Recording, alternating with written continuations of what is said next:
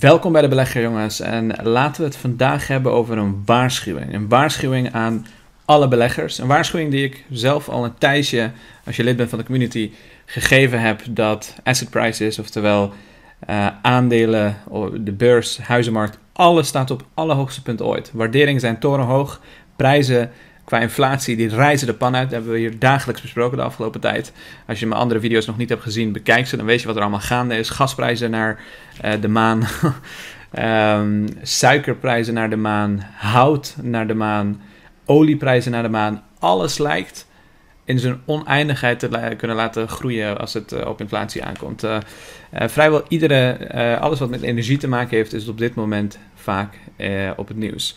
Eh, maar wat is die waarschuwing? Wat is er zo erg aan wat er aan de hand is? Nou, dat gaan we zo meteen even bespreken over twee minuutjes. Maar laten we het eerst hebben over wat er op de markt, op de beurs aan de hand is. Want zoals gewoonlijk, even een korte portfolio-update. mijn portefeuille staat op dit moment op 339.000. Vandaag 0,3% omhoog. Als je dat vergelijkt met de Nasdaq, die staat min 0,24. De U, de S&P 500 100 staat... Um, 0,3% eh, in de min. AX uh, is op een kleine plus gesloten. En Europa is in summieren 0,01 uh, gestegen. Dus de beurs lijkt wel een beetje verdeeld. Als je kijkt naar de VS, goed begonnen, zoals je ziet. Flink gestegen. Daarna weer helemaal teruggezakt naar 0,3. En um, dit is een trend wat we al de hele tijd zien. Ik heb laatst nog een video gemaakt waar ik zei: de beurs is nerveus. En het is nerveus omdat de inflatiespook alsmaar in zijn nek blijft hijgen. Als je kijkt naar wat de, de, DNB, de Nederlandse bank, uh, de president daarvan, Klaas Knot, uh, vandaag allemaal geschreven heeft hier op deze website, dan is dat toch wel zorgelijk te noemen. Want het is een stevige waarschuwing aan alle mensen die iets met de financiële markt te hebben. Uh, en dat zijn over het algemeen heel veel mensen. Ik geloof dat er 70% huisbezitters zijn in Nederland. Uh, dus het raakt ons allemaal. Want geloof het of niet, de meeste mensen die komen voor het eerst in de aanraking met de financiële markten wanneer ze bijvoorbeeld een huis kopen. Dat is de eerste keer dat ze uh, met de financiële markten in contact komen in de vorm van een hypotheek. Uh, wat toch een beetje eng lijkt. Je weet niet 100% waar, het allemaal ligt. Maar je spreekt met een paar financiële adviseurs. En die vertellen je dan dat dit je maandelijkse lasten zijn. En noem het maar op. En je gaat ervan uit dat wat zij zeggen waarschijnlijk klopt. Een andere manier waarop de meeste mensen met de financiële markten kennis maken is um, rare idiote, krankzinnige dingen die daar gebeuren. Denk aan een Wirecard die failliet gaat bijna omdat uh, uh, ze uh, hun financiën niet op orde hebben. Of misschien zelfs gefraudeerd hebben. Of denk aan een Evergrande die uit elkaar valt. Of denk aan de financiële crisis die in 2008 of 2007 aan de gang was. En dat zijn de momenten waar de meeste mensen voor het eerst kennis maken met de financiële markten. En um, dat soort retoriek wordt ook vaak gebruikt door heel veel complotdenkers of mensen die graag willen dat je een grondstoffonds koopt of een uh, bitcoinfonds of iets dergelijks koopt. Uh, maar laten we even kijken naar uh, de Nederlandse bank. Nou, dat zijn geen gekkies, dat zijn geen complotdenkers, om het even zo te zeggen. Um, en ik bedoel hier niemand kwaad mee. Hè? Als mensen anders denken, dan mag dat gewoon. Uh, maar het is wel zo dat als je het hebt over een kleine elite die de macht over ons heeft en zo, dat is, dat is letterlijk de definitie van complotdenken. Uh, maar goed, laten we het even hebben over wat de Nederlandse bank als waarschuwing meegeeft. Ze zeggen stevig economisch herstel met kwetsbaarheden nemen toe. Het economisch herstel zet zich stevig door. Door de zoektocht naar rendement duurt voort. Of uh, de zoektocht naar rendement duurt voort. En de huizenprijzen stijgen alsmaar door. Tegen die achtergrond is het belang om de toenemende kwetsbaarheden en risico's voor de financiële stabiliteit niet uit het oog te verliezen. In het vandaag verschenen overzicht uh, beschrijft de Nederlandse bank deze kwetsbaarheden. Dus we gaan zo meteen door op wat die kwetsbaarheden specifiek zijn. Maar de Nederlandse bank die, die um, doet eigenlijk een waarschuwingsschot naar alle mensen die met de financiële markten te hebben met pas op. Pas op, want er is echt een gevaar op dit moment. Uh, en dat gevaar is iets wat ik ook een tijd geleden met jullie heb besproken. Uh, zeker voor de mensen die lid zijn, grip op de markt. Als je de video nog niet hebt gezien, staat op de belegger.nl slash leden. Daar heb ik je duidelijk uitgelegd hoe die marktcyclussen in elkaar zitten. Uh, en in welke fase van die cyclus we op dit moment zijn. En dat is toch redelijk optimistisch waar torenhoge waarderingen zijn. En dat zijn geen momenten voor mij persoonlijk om mijn geld in de markt te steken. Dat zijn de momenten dat ik op mijn geld blijf zitten. Dat ik hem hou, dat ik wacht en geduld heb totdat er een moment komt waarin ik mijn kapitaal kan gaan uh, allokeren. Maar laten we even kijken naar wat de Nederlandse bank uh, precies zegt. Nou, ze beginnen heel mooi. De economische vooruitzichten zijn sinds het voorjaar verder verbeterd en veel sectoren zijn inmiddels volledig hersteld van de economische crisis als gevolg van de coronapandemie. De forse steunpakketten hebben de schade beperkt en het macro-economisch herstel ondersteund. Dat betekent dus dat wat we tot nu toe hebben gezien in de coronapandemie, um, alle steunmaatregelen, dat ze heel erg goed hebben geholpen. En dat we nu eindelijk, economisch gezien, hersteld zijn van de coronacrisis. We zijn terug bij waar we waren in 2000, uh, 2020. Maar, zegt Klaas Kalt, de coronapandemie lijkt grotendeels of goed deels onder controle en onze economie groeit weer in fors tempo. Maar dat betekent niet dat we achterover kunnen leunen. Dit is het moment om kwetsbaarheden en risico's. Um, wanneer uh, kwetsbaarheden en risico's zich opbouwen. En waarom? Dat komt omdat beleggers op een gegeven moment optimistisch en euforisch worden. Ze, ze, zien alleen maar goed nieuws. Ze zien overal dat de economie het goed doet, dat um, de bedrijfswinsten toenemen en daardoor vergeten ze eigenlijk alle risico. Alle risico wordt gewoon volledig vergeten of genegeerd. Dat zie je ook nu terug in de markt. Hè. We, zijn, we zitten op de allerhoogste standen op, uh, uh, dat je kunt voorstellen. En al het slecht nieuws in uh, China bijvoorbeeld met Evergrande wordt gewoon volledig genegeerd. Alsof het niet bestaat.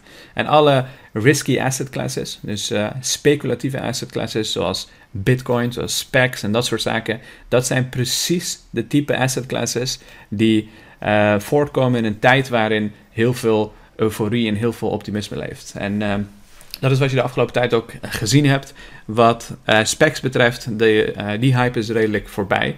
er kwamen vrijwel elke dag nieuwe YouTube-kanalen die 30, 40 verschillende specs gingen bespreken.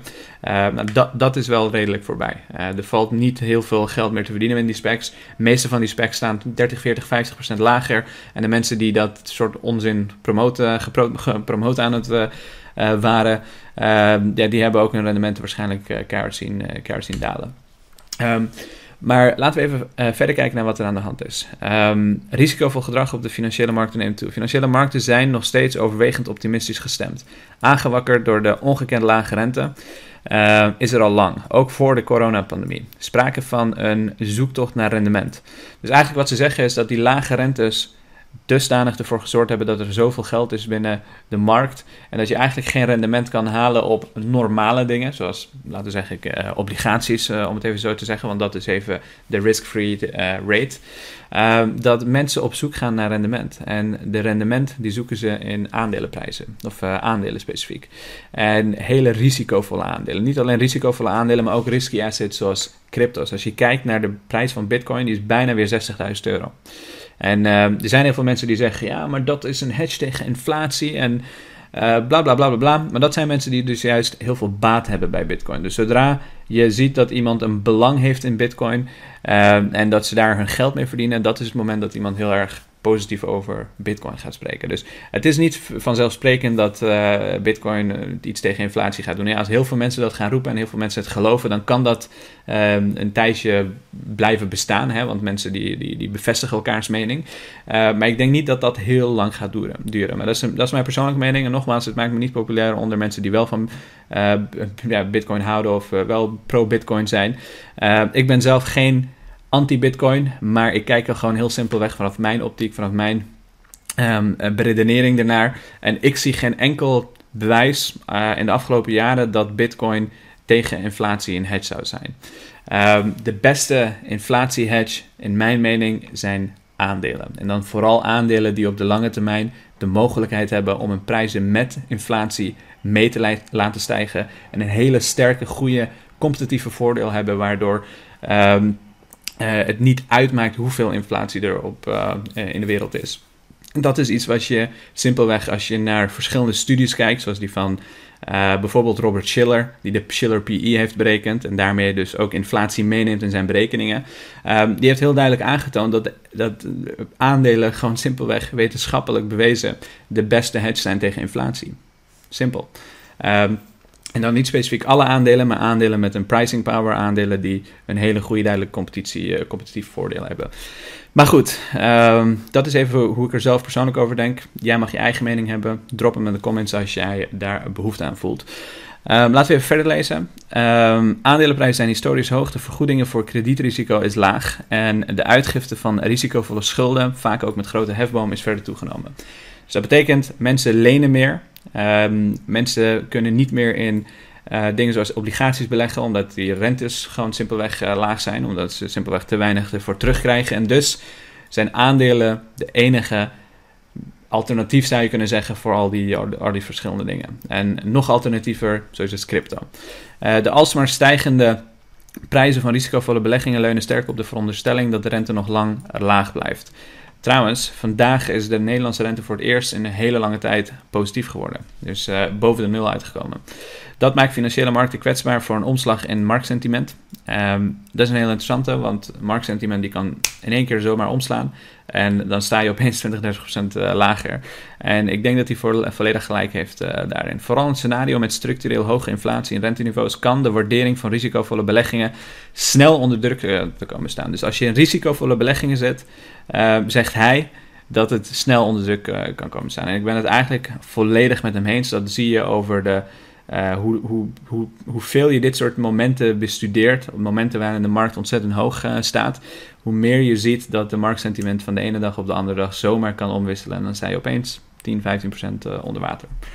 Um, verder zegt die woningmarkt oververhit. De stijging van de huizenprijzen is dit jaar in een verdere stroomversnelling geraakt. Waar de afgelopen vijf jaar sprake was van een stijging van gemiddeld 8% per jaar, zien we recent stijgingen van meer dan 15% op jaarbasis. 15% per jaar groeien de huizenprijzen op dit moment. Als gevolg van oververhitting op de woningmarkt vertonen kopers risicovoller leengedrag, wat uh, tot risico's in de hypotheekportefeuilles van financiële instellingen leidt. Ik moet zeggen, hier hou ik niet van dat hij dat zegt. En de reden is simpelweg, hij legt de schuld neer bij kopers. Mensen zoals jij en ik, die simpelweg gewoon een huis willen hebben. En uh, omdat je een huis wilt hebben, wil je daar natuurlijk zoveel mogelijk voor bieden, zoveel mogelijk voor lenen als dat je kan, omdat je die huis nodig hebt. En zonder een huis bouwen de meeste Nederlanders simpelweg ook geen vermogen op. Dus um, om te zeggen dat dat de schuld van die kopers is, um, ik denk dat je dat niet kan maken, Klaas. Klaas Knot, de heer Knot. Um, ik denk dat de mensen juist heel terecht die huizen willen kopen. Vooral starters, mensen die het al zo moeilijk hebben. Ik, ik denk dat zij juist heel goed, het heel goed is dat ze uh, zoveel mogelijk gaan lenen. Het is alleen wel risicovol, maar zij hebben de rente, rentes niet verlaagd. Uh, het is de Europese Centrale Bank uh, die de rentes heeft verlaagd. Wel met goede redenen, dat niet. er zijn hele goede redenen. We zitten in een coronapandemie. De Europese Um, uh, economie moet het nog steeds uh, concurreren met, wereldwijd met uh, bijvoorbeeld China en VS. Dus wel met een hele goede redenen dat die rentes laag zijn. Maar je kan het niet afschuiven op mensen die een huis willen kopen. Dat vind ik niet oké. Maar goed, ook lenen kopers meer met aflossingsvrij, wat herfinancieringsrisico met zich meebrengt. Dit is wel iets wat ik ook om me heen zie. Aflossingsvrij, heel veel mensen doen het. En als je gaat herfinancieren ooit, dan kan je best wel grote risico's lopen. Ehm, DNB oordeelt dat banken momenteel onvoldoende rekening houden met systeemrisico op de woningmarkt en kredietportefeuilles kwetsbaar uh, zijn voor de impact van een huizenprijscorrectie. Dit is volledig waar. Uh, banken die moeten eigenlijk gaan letten op wat ze in 2008 ook verkeerd hebben gedaan. Zorgen dat ze geen risicovolle leningen doen, vooral niet als mensen dat simpelweg niet terug kunnen betalen. Dus iets strikter zijn in aan wie ze uh, geld lenen op dit moment. Dus laten we kijken hoe dit uh, verder gaat verlopen. Maar als laatste, en dit vind ik wel een rare voor de Nederlandse bank om hier iets over te zeggen. En zeker het voorbeeld wat ze aanhalen. Maar klimaatrisico's, bedreiging voor de financiële stabiliteit. Om de risico's van klimaatverandering voor financiële uh, instellingen te onderzoeken, analyseren we in een nieuwe klimaatstresstest ruim 700 miljard aan vastgoed. Meer dan de helft hiervan ligt in delen van Nederland die kwetsbaar zijn voor overstromingen. Een ernstige overstroming leidt tot forse schade aan gebouwen en een economisch terugval die, in de, die de Nederlandse financiële sector stevig kan raken. De financiële risico van klimaatverandering ontstrepen het belang van tijdig inzetten van transitie naar een klimaatneutraal gebouwde omgeving. Ook is het belang van de financiële sector klimaatgerelateerde risico's nadrukkelijker meeneemt in het risicobeheer. het grappige is, ze geven het voorbeeld van Limburg als je alles uh, straks gaat lezen. Het, het, voorbeeld van Limburg, dat daar laatst overstromingen waren en dat klimaatrisico's dus um, uh, reëel zijn en werkelijk zijn en ook daadwerkelijk een grote impact gaan hebben. Um, ik vind het interessant. Ik, ik, weet niet wat ik hiervan moet denken. Um, ja, als dat zo is dat klimaatverandering straks op korte termijn, ik denk dat het niet op korte termijn zou zijn, voor heel veel overstromingen uh, zorgt, dan zal Nederland zeer zeker een issue gaan hebben. Dat, dat is een feit. Um, ik denk de hele wereld, eh, maar ik, ja, ik, ik zie het nut niet van om dit te zeggen. Ja, ik denk als, als als er daadwerkelijk heel veel overstromingen komen, dat zal niet alleen Nederland zijn, dat zal overal zijn. En dan is de financiële stabiliteit van de wereld in gevaar, niet alleen Nederland. Maar goed, um, interessant om te zien dat ze in ieder geval zeggen: als straks overstromingen, overstromingen komen, dan moeten banken klaar zijn om die 700 miljard uh, uh, als stresstest in ieder geval te kunnen doorstaan. Um, ik weet niet of dat je grootste belang of issue gaat zijn op dat moment, maar het is in ieder geval goed dat ze erop op voorbereiden. Maar dat is de waarschuwing die de Nederlandse bank uh, op dit moment geeft. En dat is ook eigenlijk enige interessante nieuws vandaag die uh, ik met jullie wilde delen. Ik hoop dat je er wat aan had. Ik hoop dat je het interessant vond. Laat me weten wat je van dit soort video's vindt. Laat een like achter, want dan, dan uh, maak ik namelijk meer van dit soort video's. Tot snel.